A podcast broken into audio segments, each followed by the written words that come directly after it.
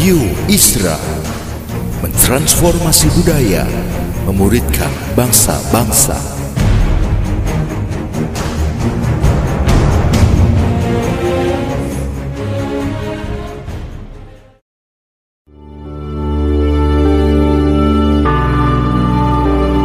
Apostolic Prophetic Messages mengungkapkan pesan dan arahan dari hati Tuhan bagi gerejanya demi menuntaskan mandat kerajaan Allah di Indonesia dan bangsa-bangsa.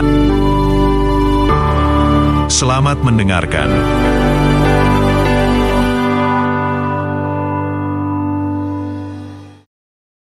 Bapak Ibu saya undang saudara untuk bersama-sama membuka dengan saya dalam kitab Hagai pasal yang pertama.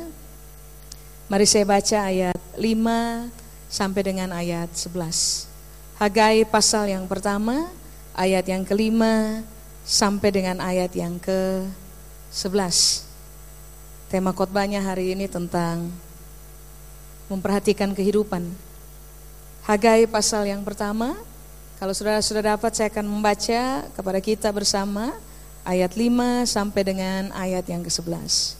Ayat 5. Oleh sebab itu, beginilah firman Tuhan semesta alam. Perhatikanlah keadaanmu. Kamu menabur banyak, tetapi membawa pulang hasil sedikit. Kamu makan, tetapi kamu tidak sampai kenyang. Kamu minum, tetapi tidak sampai puas. Kamu berpakaian, tetapi badanmu tidak sampai panas. Dan orang yang bekerja untuk upah, ia bekerja untuk upah yang ditaruh dalam pundi-pundi yang berlobang. Beginilah firman Tuhan semesta alam. Perhatikanlah keadaanmu. Jadi, naiklah ke gunung, bawalah kayu, dan bangunlah rumah itu. Maka aku akan berkenan kepadanya dan akan menyatakan kemuliaanku di situ, firman Tuhan. Kamu mengharapkan banyak, tetapi hasilnya sedikit. Dan ketika kamu membawanya ke rumah, aku akan menghembuskannya. Oleh karena apa? Demikianlah firman Tuhan semesta alam. Oleh karena rumahku yang tetap menjadi reruntuhan, sedang kamu masing-masing sibuk dengan urusan rumahnya sendiri.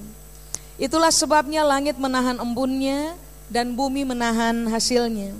Dan aku memanggil kekeringan datang ke atas negeri, ke atas gunung-gunung, ke atas gandum, ke atas anggur, ke atas minyak, ke atas segala yang dihasilkan tanah, ke atas manusia dan hewan, dan ke atas segala hasil usaha. Nah, coba surah kembali ke ayat yang kelima. Ada satu, ada dua, dua kata penting yang diulang dua kali pada ayat-ayat yang tadi kita baca Pak Ibu. Kata yang saya maksudkan adalah Alkitab bilang begini, perhatikanlah keadaanmu. Nah itu rangkaian dari dua kata penting. Mengapa? Sebab Alkitab menulisnya pada ayat 5, kemudian Alkitabnya Alkitab mengulangnya pada ayat yang ke-7. Kalau ini nggak esensi, nggak mungkin diulang. Karena ini esensi, maka diulang. Kenapa kalimat diulang? Kenapa kalau orang berbicara sebuah kalimat kemudian mereka memutuskan untuk mengulangnya lagi? E, karena begini, apa yang sedang mereka bicarakan itu inti. Orang harus memperhatikannya dengan sesama untuk kemudian memahami apa yang sedang diupayakan oleh Tuhan untuk dikomunikasikan kepada kita. Nah, mari kita belajar satu-satu dulu, Pak, Ibu. Nah, Alkitab bilang di situ dua kata. Yang pertama, perhatikanlah. Yang kedua, keadaanmu. Kata perhatikanlah, Pak, Ibu, dalam bahasa Ibrani menggunakan kata sum, S-U-M. Sum itu artinya begini yang pertama, memang perhatikan. Hal yang kedua arti dari kata sum adalah begini. Setelah kamu memperhatikan, kamu harus tandai. Adakah hal yang harus diubah di situ? Lalu bikinlah ketetapan untuk mengejar perubahan. Kira-kira begitu. Perhatikanlah, sum, kata kuncinya itu sebenarnya ada empat. Satu, perhatikan. Dua, tandai. Tiga, ubah. Empat, tetapkan. Sebenarnya Alkitab lagi bilang, kamu perlu memperhatikan artinya, mari saya ulang. Coba, perhatikan dulu dengan seksama bagaimana kita ini lagi hidup, lalu tandai dalam perjalanan hidup kita, ada nggak hal-hal yang memang harus diubah? Kalau memang ada hal-hal yang harus diubah, maka ini yang Anda dan saya harus putuskan untuk kerjakan, bikinlah ketetapan. Kenapa sampai orang selalu tiba pada keadaan begini? Tahu harus berubah, tapi nggak berubah. Karena terbanyak orang miss di bagian yang satu itu. Berani membuat ketetapan. Nah Pak Ibu dalam hidup ini sebagai orang Kristen yang terbiasa pergi ke gereja tiap hari minggu. Atau juga hadir di kebaktian-kebaktian yang ada pada weekday. Ini yang kita temukan dalam diri kita kan. Kita ini udah ribuan kali dengar firman. Pertanyaannya adalah begini, kenapa nggak berubah? Padahal waktu firman berbicara kepada kita, kita tahu betul bahwa memang ada hal-hal tertentu yang harus diubah di dalam kita. Tapi kita kenapa nggak berubah? Karena itu tuh. Alkitab berupaya untuk kasih tahu kepada kita. Kalau tidak ada ketetapan, tidak ada sebuah tekad yang muncul dengan sadar dan sengaja dalam hidup Anda dan saya, maka percayalah, sampai seribu tahun lagi Anda dan saya akan selalu mengalami kesulitan untuk berpindah dari kehidupan lama kepada kehidupan yang baru. Dari kehidupan yang di bawah kepada kehidupan di atas. Dari sebuah kehidupan tanpa kualitas menjadi kehidupan yang sangat berkualitas. Makanya kenapa Alkitab berupaya menegaskan kata penting ini, sum. Perhatikan dengan seksama bagaimana kamu hidup, lalu putuskan, tandai, ada nggak yang harus diubah, lalu bikinlah ketetapan. Kerjakan dengan sadar dan sengaja karena pertimbangan logis yang telah kita temukan dalam cara berpikir kita. Lalu begini, kejarlah perubahan. So, kalau Anda dan saya tidak berani mengejar perubahan dalam kehidupan kita, tahukah saudara yang akan terjadi dalam kita? Yang akan terjadi di dalam hidup kita adalah realita yang salah. Nanti saya jelaskan kepada saudara. Nah itu statement dari uh, kalimat, dari uh, pengertian dari kata yang pertama. Tapi coba saudara lihat dengan saya, Alkitab bukan cuma bilang begini, perhatikanlah. Alkitab menambahkannya dengan kata ini, keadaanmu. Derek, Ibrani bilang, D-E-R-E-K. Jadi sum derek, perhatikanlah keadaanmu. Derek itu punya arti ada empat pak, ibu, empat juga. Jalan yang kamu tempuh, cara hidup yang kamu pilih, kelakuan yang kamu pertontonkan, tujuan yang kamu tetapkan. Saya ulang. Ternyata Alkitab lagi bilang buat kita begini. Saya ulang ya Pak, Ibu. Perhatikan dengan seksama, tandai. Ada enggak yang harus diubah di dalam kita? Yaitu begini. Jalan, cara hidup, kelakuan, tujuan. Kalau memang ada yang harus diubah, maka mari saya ulang. Bikinlah ketetapan untuk mengerjakannya. Persoalan dari kita adalah begini kan Pak, Ibu. Semua orang yang sadar sedang menjalani kehidupan, sebenarnya begini kok Pak, Ibu. Orang tahu kok mereka salah jalan. Kita tahu betul, kita ini udah terbiasa dengar firman. Pada waktu kita mengambil jalan yang salah, sejatinya Roh Kudus itu masih tetap berbicara kepada kita kok. Memberitahukan kepada kita. Walau sometimes sangat tipis. Memberitahukan kepada kita. Nah kamu punya jalan salah. Cara hidup yang sedang kami, kamu mainkan sekarang ini. Ini salah, ini bertentangan dengan kebenaran. Kelakuan yang kamu pertontonkan tiap-tiap hari Buat kamu punya istri, buat kamu punya suami, buat kamu punya anak, buat kamu punya orang tua, buat orang-orang di sekelilingmu, buat orang-orang di tempat kamu bekerja, di tempat kamu mau usaha. Itu cara, itu, ini kelakuan yang tidak tepat ini. Lalu ini juga, kamu punya tujuan dalam kehidupan, ini bukan tujuan seperti yang Tuhan declare dari awal buat kita. Tuhan desain dari awal buat kita. Bahkan yang parah adalah ini. Waktu orang menjalani hidup, mereka bahkan tidak punya tujuan.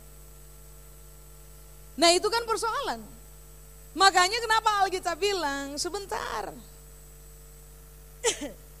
Anda dan saya tidak bisa mengembangkan begini Pak Ibu. Kebiasaan yang orang menyebutnya dengan istilah ignorance. Mengabaikan. Pokoknya tiap hari bisa bernapas cukup. Tiap hari bisa melakukan aktivitas cukup. Tiap hari bangun kerja, eh, bangun usaha, pulang, kongko-kongko dengan teman, tiba di rumah, bicara sedikit aja dengan keluarga, lalu tidur, kemudian rutinitas terjadi, lalu kita menganggap bahwa ini adalah hal yang memang harus dijalankan dalam hidup, lalu kita mengembangkan ignorance, apa itu? Mengabaikan hal-hal penting yang harus kita putuskan untuk kerjakan dalam hidupnya kita. So, tadi saya sudah bilang kepada saudara, saudara dan saya tidak berani memperhatikan kita punya keadaan, realitas salah itu akan terjadi dalam hidupnya kita. Ingat ini baik, Alkitab berkata bahwa Tuhan itu tidak pernah merancang kecelakaan untuk hidup kita. Betul? Dia merancang hari depan yang kaya dengan kegemilangan untuk kita. Persoalannya adalah begini, banyak realita hebat yang Tuhan telah persiapkan bagi Anda dan saya untuk bukan cuma kita lihat, kita rangkul, kita cium, kita alami, kita nikmati dalam hidup. Tapi persoalannya adalah kenapa sampai orang tidak bisa menikmati realita benar dalam hidup mereka seperti desain awal Tuhan bagi kita. Sesederhana itu Hagai bilang, karena kamu memang tidak perhatikan kamu punya keadaan. Kalau kamu perhatikan kamu punya keadaan, saya ulang. Kalau kamu perhatikan jalan yang kamu tempuh, kelakuan yang kamu pertontonkan, cara hidup yang sedang kamu kamu apa itu kerjakan, lalu tujuan yang kamu tetapkan, kalau kamu perhatikan dengan sesama, maka yang terjadi adalah realita benar. Nah mari saya jelaskan dulu kepada saudara, apa yang dari tadi saya bilang, realita salah. Kalau saudara dan saya tidak memperhatikan kita punya hidup, realita salah yang akan terjadi dalam kita. Coba, saudara kembali kepada apa yang tadi Alkitab bilang. Ayat 6. Ayat 6 ini realita salah itu. Mengapa? So sebenarnya bukan itu yang Tuhan rancang. Coba saudara lihat ayat 6. Kamu menabur banyak tetapi membawa pulang sedikit. Itu realita salah. So realita benar yang Tuhan ajar kepada kita adalah begini. Siapa tabur banyak tuai banyak. Kalau siapa tuai banyak dia harus bawa pulang banyak kan. Tapi masalahnya kan Hagai bilang tabur banyak tuai sedikit. Makanya yang terjadi adalah kamu bawa pulang hasil sedikit. Coba lihat realitas salah yang lain. Kamu makan, lalu bagaimana? Tidak sampai kenyang. Padahal sejatinya orang makan itu kenyang. Tidak ada orang makan tidak kenyang. Orang makan itu pasti kenyang. Walaupun dalam ilmu kesehatan sebenarnya diajarkan kalau makan tidak boleh kenyang 100%. Kalau saudara makan paling tidak saudara ukur saja sampai kepada batasan 70% berhentilah makan. So itu baik untuk pengolahan dalam tubuh, nggak boleh lebih dari itu sebenarnya. Ada orang-orang yang makan sampai berdosa kan, makan nggak 100%, makan 200% itu. Sekali waktu ada satu anak di rumah, uh, makan di all you can eat di Surabaya. Ada satu tempat dia makan di situ. Makan saya nggak tahu itu kira-kira mungkin dia makan 1000% nggak pak? M mungkin gitu. Kenapa? Karena begini, udah nggak bisa berdiri. Betul. Makan sampai nggak bisa berdiri. Nah puji Tuhannya hari itu dia makan dengan teman-temannya. Jadi selesai dia makan dia nggak bisa berdiri. Teman-temannya bopong dia ke mobil. Coba bayangkan sudah. Nah itu dosa itu. Makanya tidak boleh makan sambil berdosa, sampai berdosa. Ya, Makan secukupnya saja. Batasan 70% lah. Jangan terlalu lebih dari itu. Nah tapi begini. Realitanya adalah orang makan tuh kenyang. Itu realita betul itu. Itu kenaturalan yang benar. Tapi Alkitab bilang kamu makan, kamu nggak sampai kenyang. Atau lebih tepatnya, kamu makan terus, seribu makanan kamu makan, tapi kamu nggak bisa tahu apa yang dinamakan dengan arti kenyang. Kira-kira begitu. Berikutnya apa? Minum nggak sampai puas. Padahal semua orang yang dahaga minum pasti puas. Berikutnya Alkitab bilang, kamu berpakaian tapi badanmu nggak panas. Nah itu kan kesalahan. Berikutnya apa lagi? Kamu bekerja untuk upah, tetapi upah yang kamu dapat itu ditaruh dalam pundi-pundi berlobang. Sehingga begini, buang waktu, buang energi, buang pemikiran, buang banyak hal dalam hidup, tapi saudara dan saya tidak pernah bisa menikmati kehidupan itu sendiri. Berkat yang Tuhan berikan kepada kita, Anda dan saya tidak bisa menikmatinya secara utuh. Karena begini Alkitab bilang, kamu mengalami realita yang salah.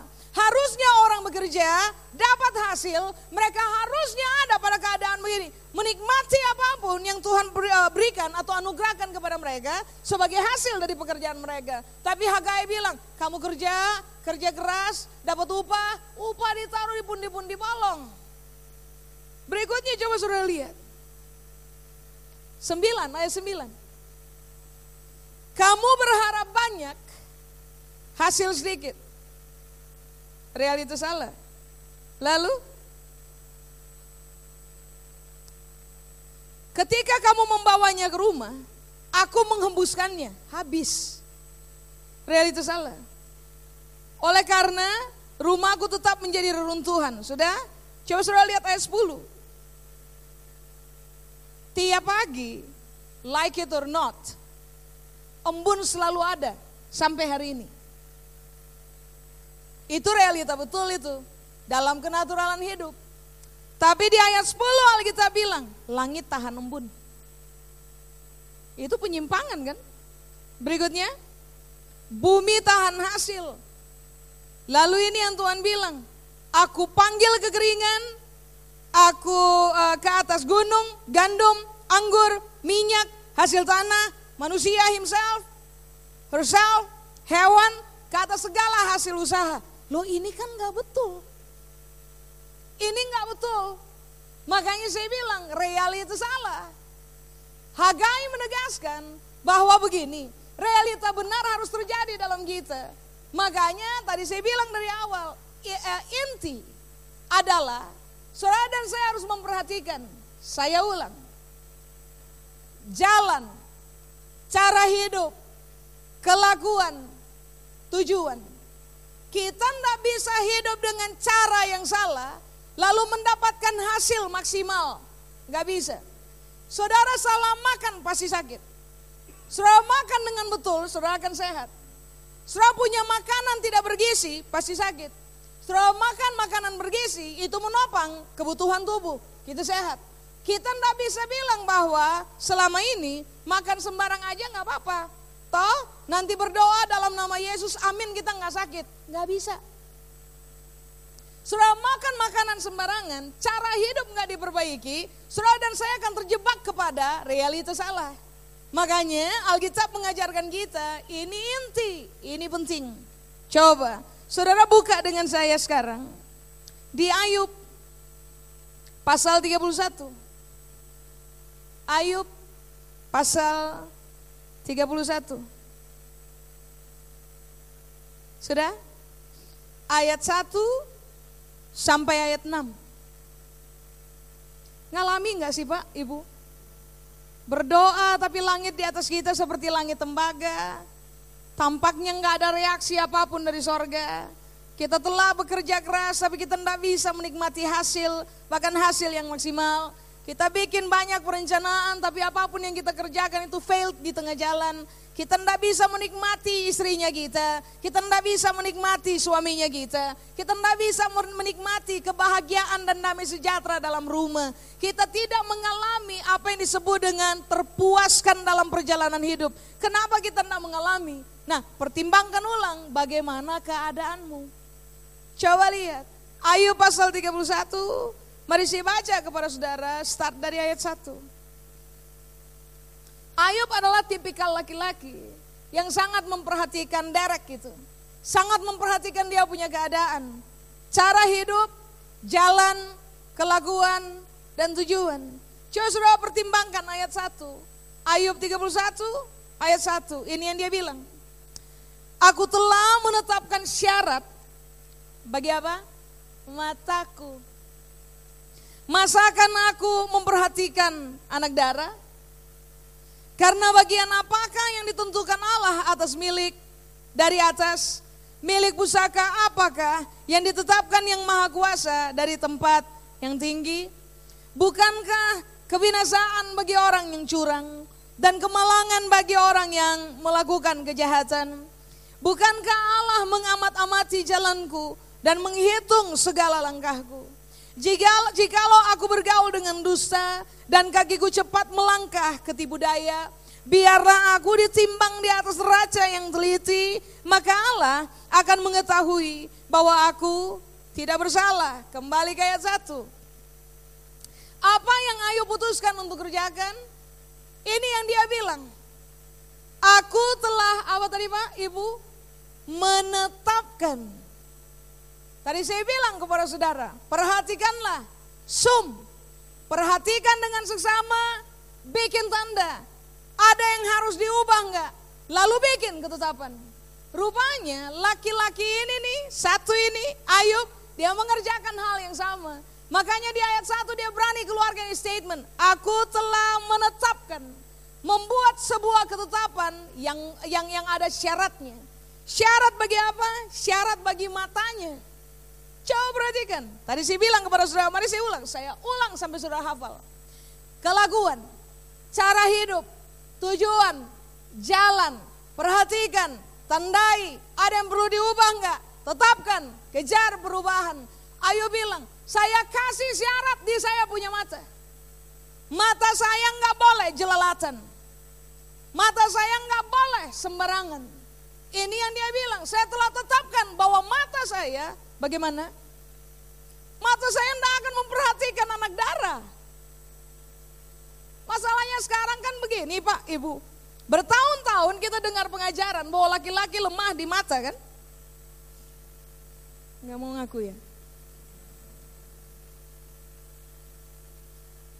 Tapi sejalan dengan perubahan waktu, pergeseran budaya, berkembangnya cara berpikir, yang terjadi hari ini adalah perempuan juga ternyata lemah di mata. Ibu nggak mau ngaku. Ya, so ternyata begini, mata bisa menggiring kita kepada keputusan apa saja.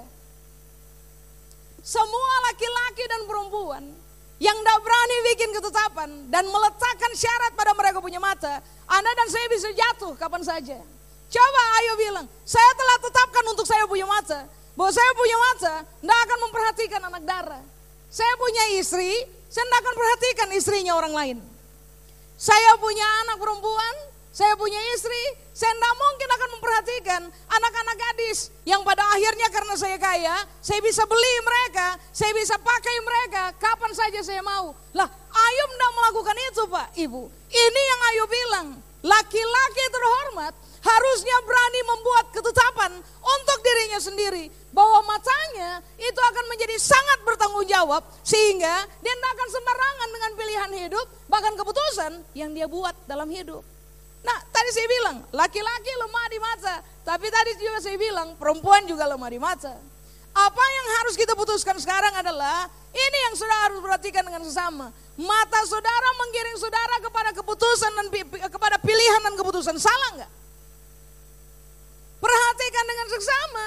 Tandai, ah ini saya punya mata enggak betul ini. Kalau memang saya punya mata enggak betul, ah, saya harus bikin ketetapan bahwa harus ada syarat pada saya punya mata. Loh, ini kan ini kan bukti bahwa Ayo bilang begini, saya sedang memperhatikan keadaan dalam diri saya. Ini ayat tulis mata. Coba sekarang sudah pertimbangkan, sudah punya kata-kata. Itu nyakitin orang enggak? Jadi batu sandungan buat orang lain enggak? Membuat orang tergiring kepada realita pahit enggak? Sudah punya cara memperlakukan orang lain. Keputusan yang saudara ambil, pilihan yang saudara buat, perenungan yang saudara kembangkan dalam cara berpikir. Coba tandai, ini bersejalan, bersenyawa dengan kebenaran firman Allah, atau ini sedang mengalami penyimpangan. Lah itu kan kita yang harus bersetuju dengan Tuhan untuk memperbaiki kita punya keadaan. Bapak Ibu, Roh Kudus yang hebat itu dikasih buat Anda dan saya, bukan supaya pada akhirnya kita letakkan dia sebagai pengangguran dalam hidup. Roh Kudus yang hebat itu seharusnya menjadi partner dalam hidup kita. Kita membiarkan dia berbicara dengan sangat leluasa untuk kehidupannya kita, menolong kita untuk memahami realita kita dan pilihan-pilihan yang kita buat. Supaya kalau Roh Kudus mengajar kita tentang kebenaran yang kemudian diwahyukan sebagai pencerahan dalam cara berpikir kita, kita ini akan punya ketetapan dan menetapkan dengan sangat berani untuk mengejar perubahan dalam hidup. Amin. Coba sudah perhatikan ayat 1 tuh, ayat 2. Kemudian ayat 3 Ayub bilang begini, buat saya orang curang tuh pasti binasa. Lah itu kan ketetapan. Kalau dia berani keluarkan kalimat, kalau kamu curang Ayub, kamu pasti binasa. Mari saya tanya, kalau itu telah berubah menjadi keyakinan, kira-kira saudara akan berlaku curang nggak? Tidak, karena itu telah berubah menjadi keyakinan. Kalau saya curang, saya binasa. Loh itu kan keyakinan. Keyakinan yang muncul itu membuat kita memilih jalan yang betul, mengekspresikan kelakuan yang betul, menetapkan tujuan yang betul. Lalu yang terjadi adalah ini, cara hidup yang kita pilih itu pasti betul. Lalu apa lagi yang Ayub bilang? Kalau saya jahat saya pasti malang. Lalu apa lagi? Tuhan amati saya punya jalan, dia hitung saya punya langkah. Kalau saya bergaul dengan dusta dia tahu. Kalau kaki saya cepat melangkah kepada tipu daya dia tahu. Jadi Ayub sangat memahami realita ini. Bahwa saya tidak bisa sembarangan dalam saya punya hidup. Saya tidak bisa hidup sembarangan di hadapan Tuhan. Saya tidak bisa hidup sembarangan di hadapan manusia. Saya tidak bisa hidup sembarangan untuk diri saya sendiri. Ini yang disebut dengan istilah kamu memutuskan untuk memperhatikan kamu punya keadaan. Makanya di ayat 6 ini yang dia berani bilang, Tuhan, kalau Tuhan mau timbang saya pakai neraca yang teliti, Tuhan timbang aja. Somehow Tuhan akan menemukan bahwa saya tidak punya salah. Coba-coba. Selama ini banyak orang bertaruh dengan sesama manusia. Pertimbangkan realita ini. Berani bertaruh dengan Tuhan enggak? Bahwa kita sangat mencermati kita punya hidup. Kita latih diri kita begitu rupa tiap-tiap hari. Sampai pada akhirnya kita berani meyakini di dalam hati kita. Bahwa begini. Kalau tiba-tiba Tuhan datang dan Tuhan timbang saya di atas neraca yang teliti. Somehow dia akan menemukan bahwa saya tidak ada salah kok. Coba tentang Henok. Sudah baca tentang Henok? Alkitab bilang ini. Henok mendapatkan kepastian di dalam hatinya. Bahwa Tuhan itu berkenan kepada dia. Muncul dari apa coba? Dari itu saja itu.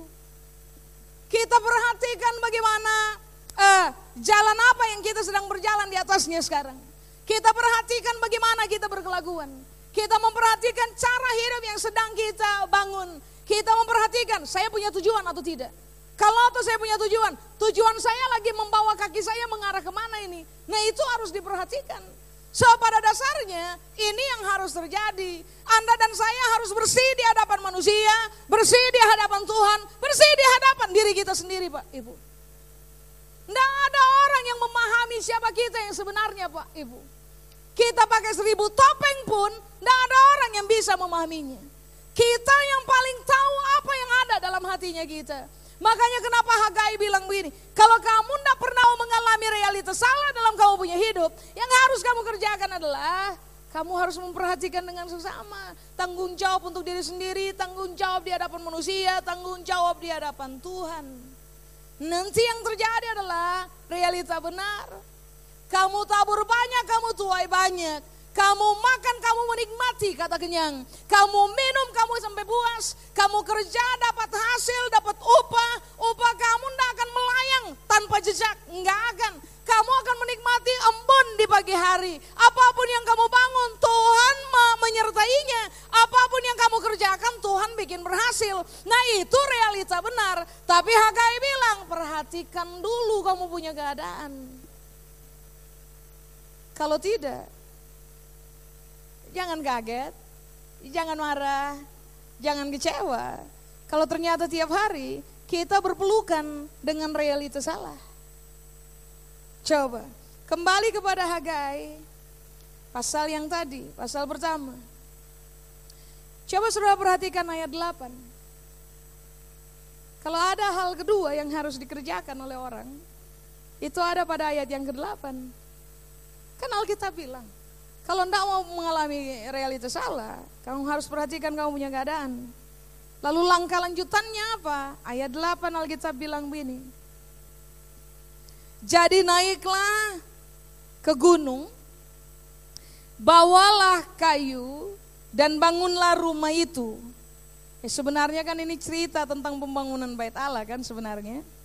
Tapi mari kita lihat dulu maksud lain dari ayat ini yang Alkitab ajar. Coba lihat. Jadi naiklah ke gunung, bawalah kayu, dan bangunlah rumah itu.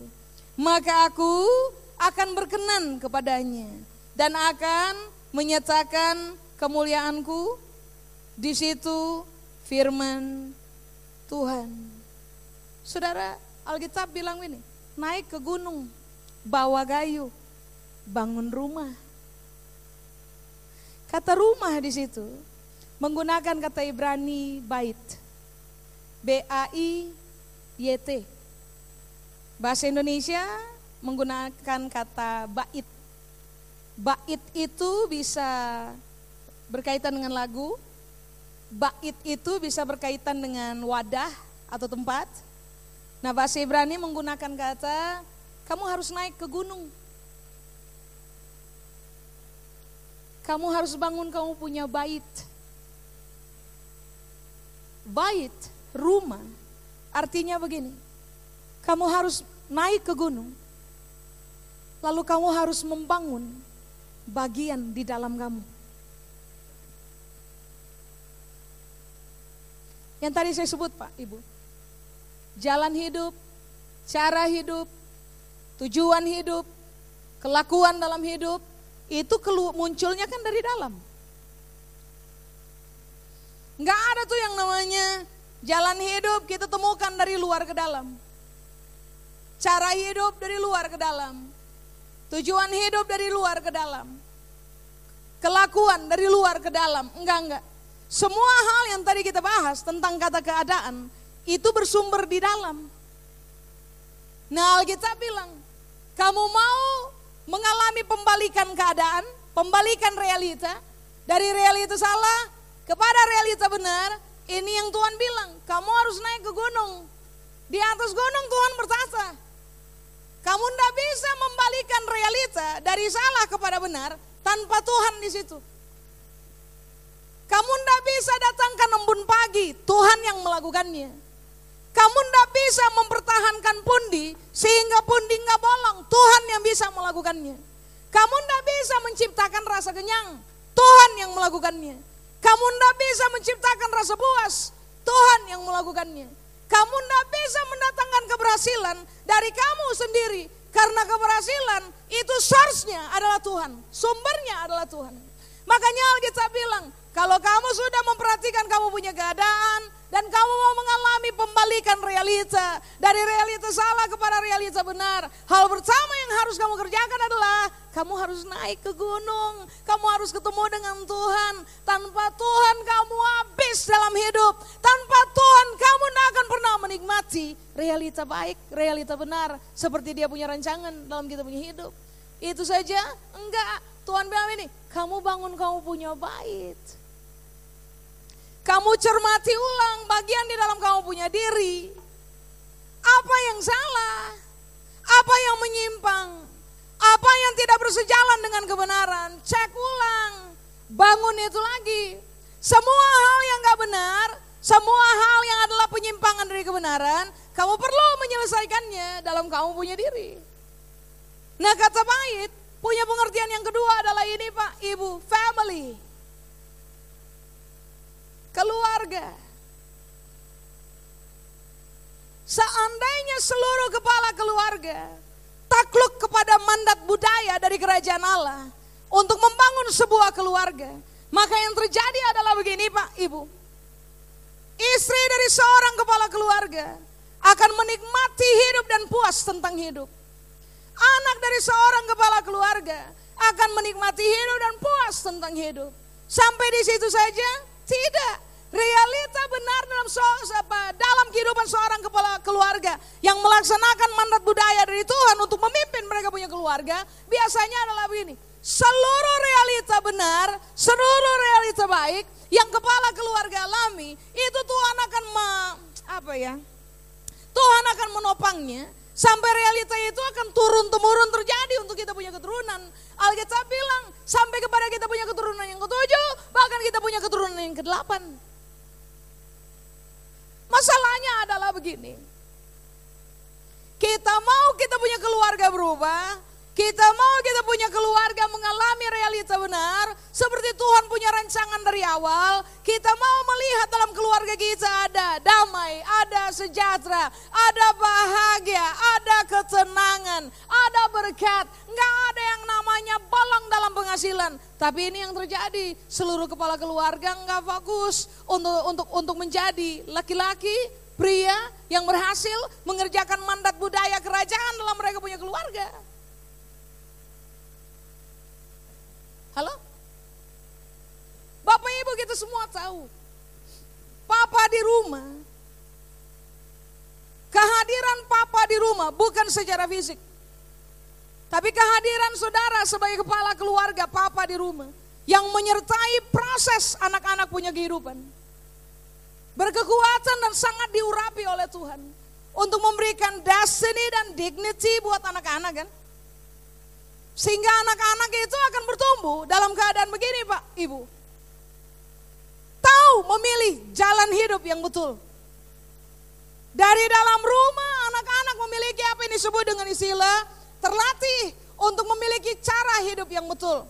Jalan dipilih betul, cara hidup betul, kelakuan dididik dengan betul dalam rumah. Sehingga yang kemudian terjadi adalah anak-anak menetapkan tujuan dalam kehidupan mereka, itu nggak missed.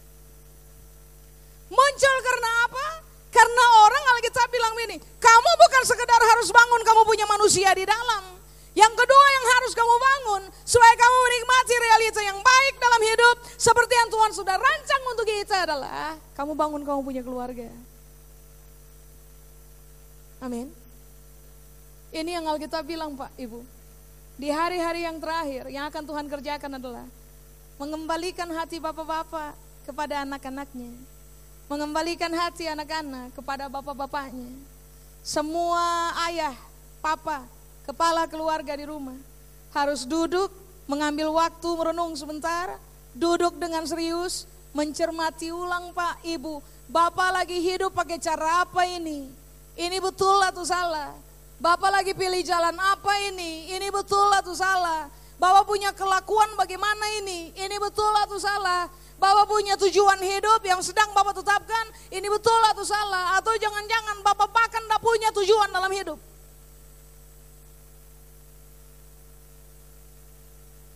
Kepala dalam rumah bukan istri Pak, Ibu. Kepala dalam rumah suami. Di mana-mana suami itu laki-laki bukan perempuan. Perempuan yang berupaya jadi suami bertobat. Sudah salah posisi. Sudah salah posisi pasti salah realita. Keluarga pasti nggak terbangun. Makanya ini yang Alkitab bilang nggak bisa loh. Satu, di dalam kamu harus bagus. Dua, dalam kamu punya keluarga, kamu harus memilih hal-hal yang seperti Alkitab ajar.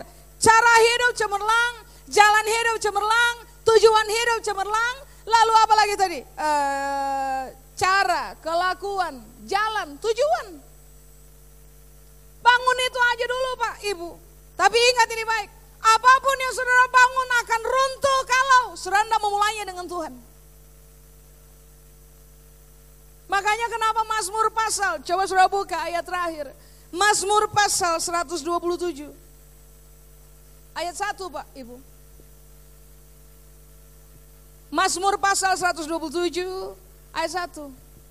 Nyanyian ziarah Salomo. Jikalau bukan Tuhan yang membangun apa? Rumah. Sia-sialah usaha orang yang membangunnya. Jikalau bukan Tuhan yang mengawal kota, sia-sialah pengawal berjaga-jaga. Makanya Hagai bilang, nggak ada cara lain. Kamu ndak bisa bangun kamu punya rumah di pinggir sungai.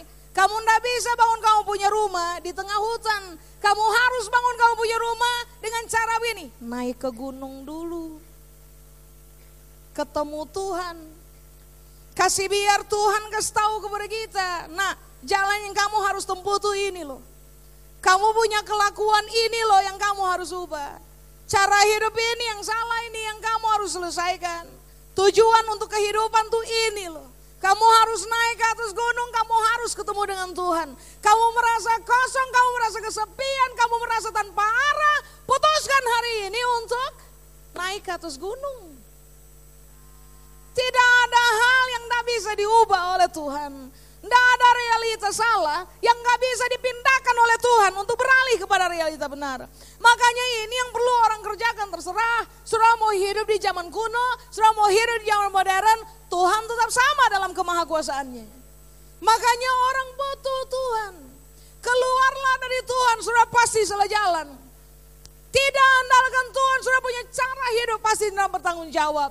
Coba lepaskan Tuhan tujuan hidup, selesai itu. Kita selesai itu kalau kita lepaskan Tuhan. Lalu apa lagi? Empat saja tuh, jalan, tujuan, kelakuan, cara hidup.